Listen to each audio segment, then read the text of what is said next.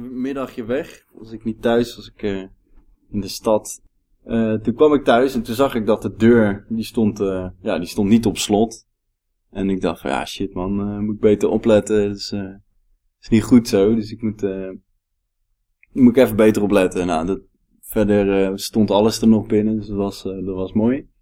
En toen zat ik te eten aan mijn tafel en toen vond ik ergens een klein briefje. Die lag zo op de, hoek, op de hoek van mijn tafel. En stond op... Uh, hey, mijn naam is Laura. Je hebt een awesome huis. Hoe kom je eraan? Contact me. 06 nummer erbij. Dan staat er nog eventjes schuin erbij geschreven. Want er was geen plaats meer. Sorry voor de privacy schending. Nou, hartstikke fijn.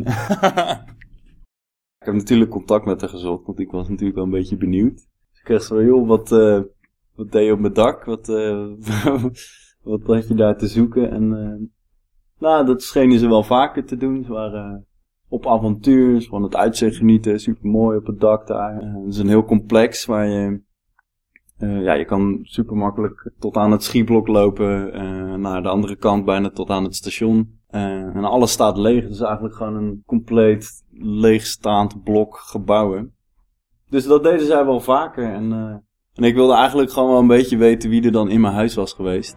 Dus ik had er, uh, ja, ik had er gewoon gevraagd, joh, kom anders, uh, kom morgen even een biertje drinken. En dan, uh, ik, ja, ik wilde gewoon weten wie dat was.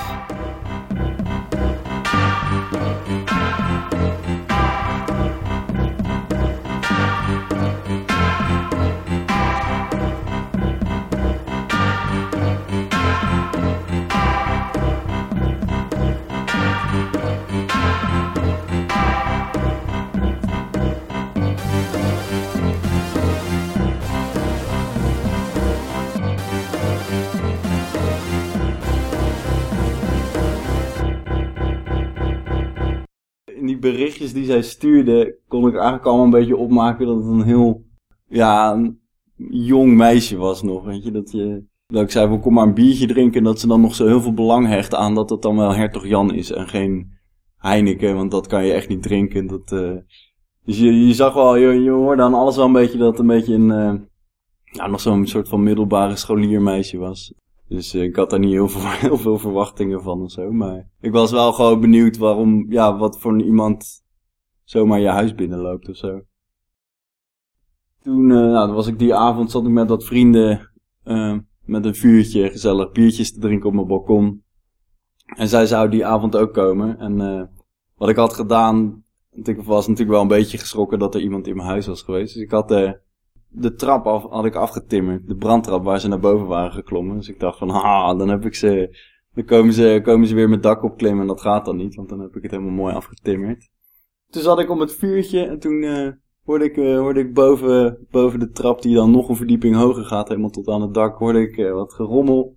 Toen kwamen er allemaal mensen naar beneden klimmen en dat was dat meisje, die, die was via een andere brandtrap van een ander gebouw was ze naar boven geklommen. Toen kwamen ze daar, hey, ik ben Laura ja, die is toen, uh, kwam ze even biertjes drinken, was eigenlijk een beetje ongemakkelijk. Dus een heel jong, jong meisje die uh, gewoon op avontuur was. Sjors, een, eh, een, vriend van me, die uh, wreef ze wel even onder de neus dat het echt wel belachelijk was wat ze hadden gedaan eigenlijk.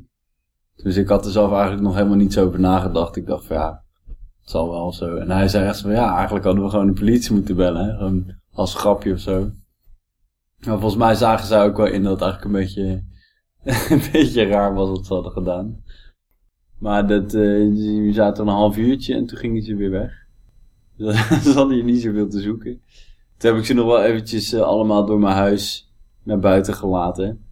Ze niet meer via de trap naar beneden hoefden. Ja, dat vonden ze allemaal hartstikke leuk om te zien.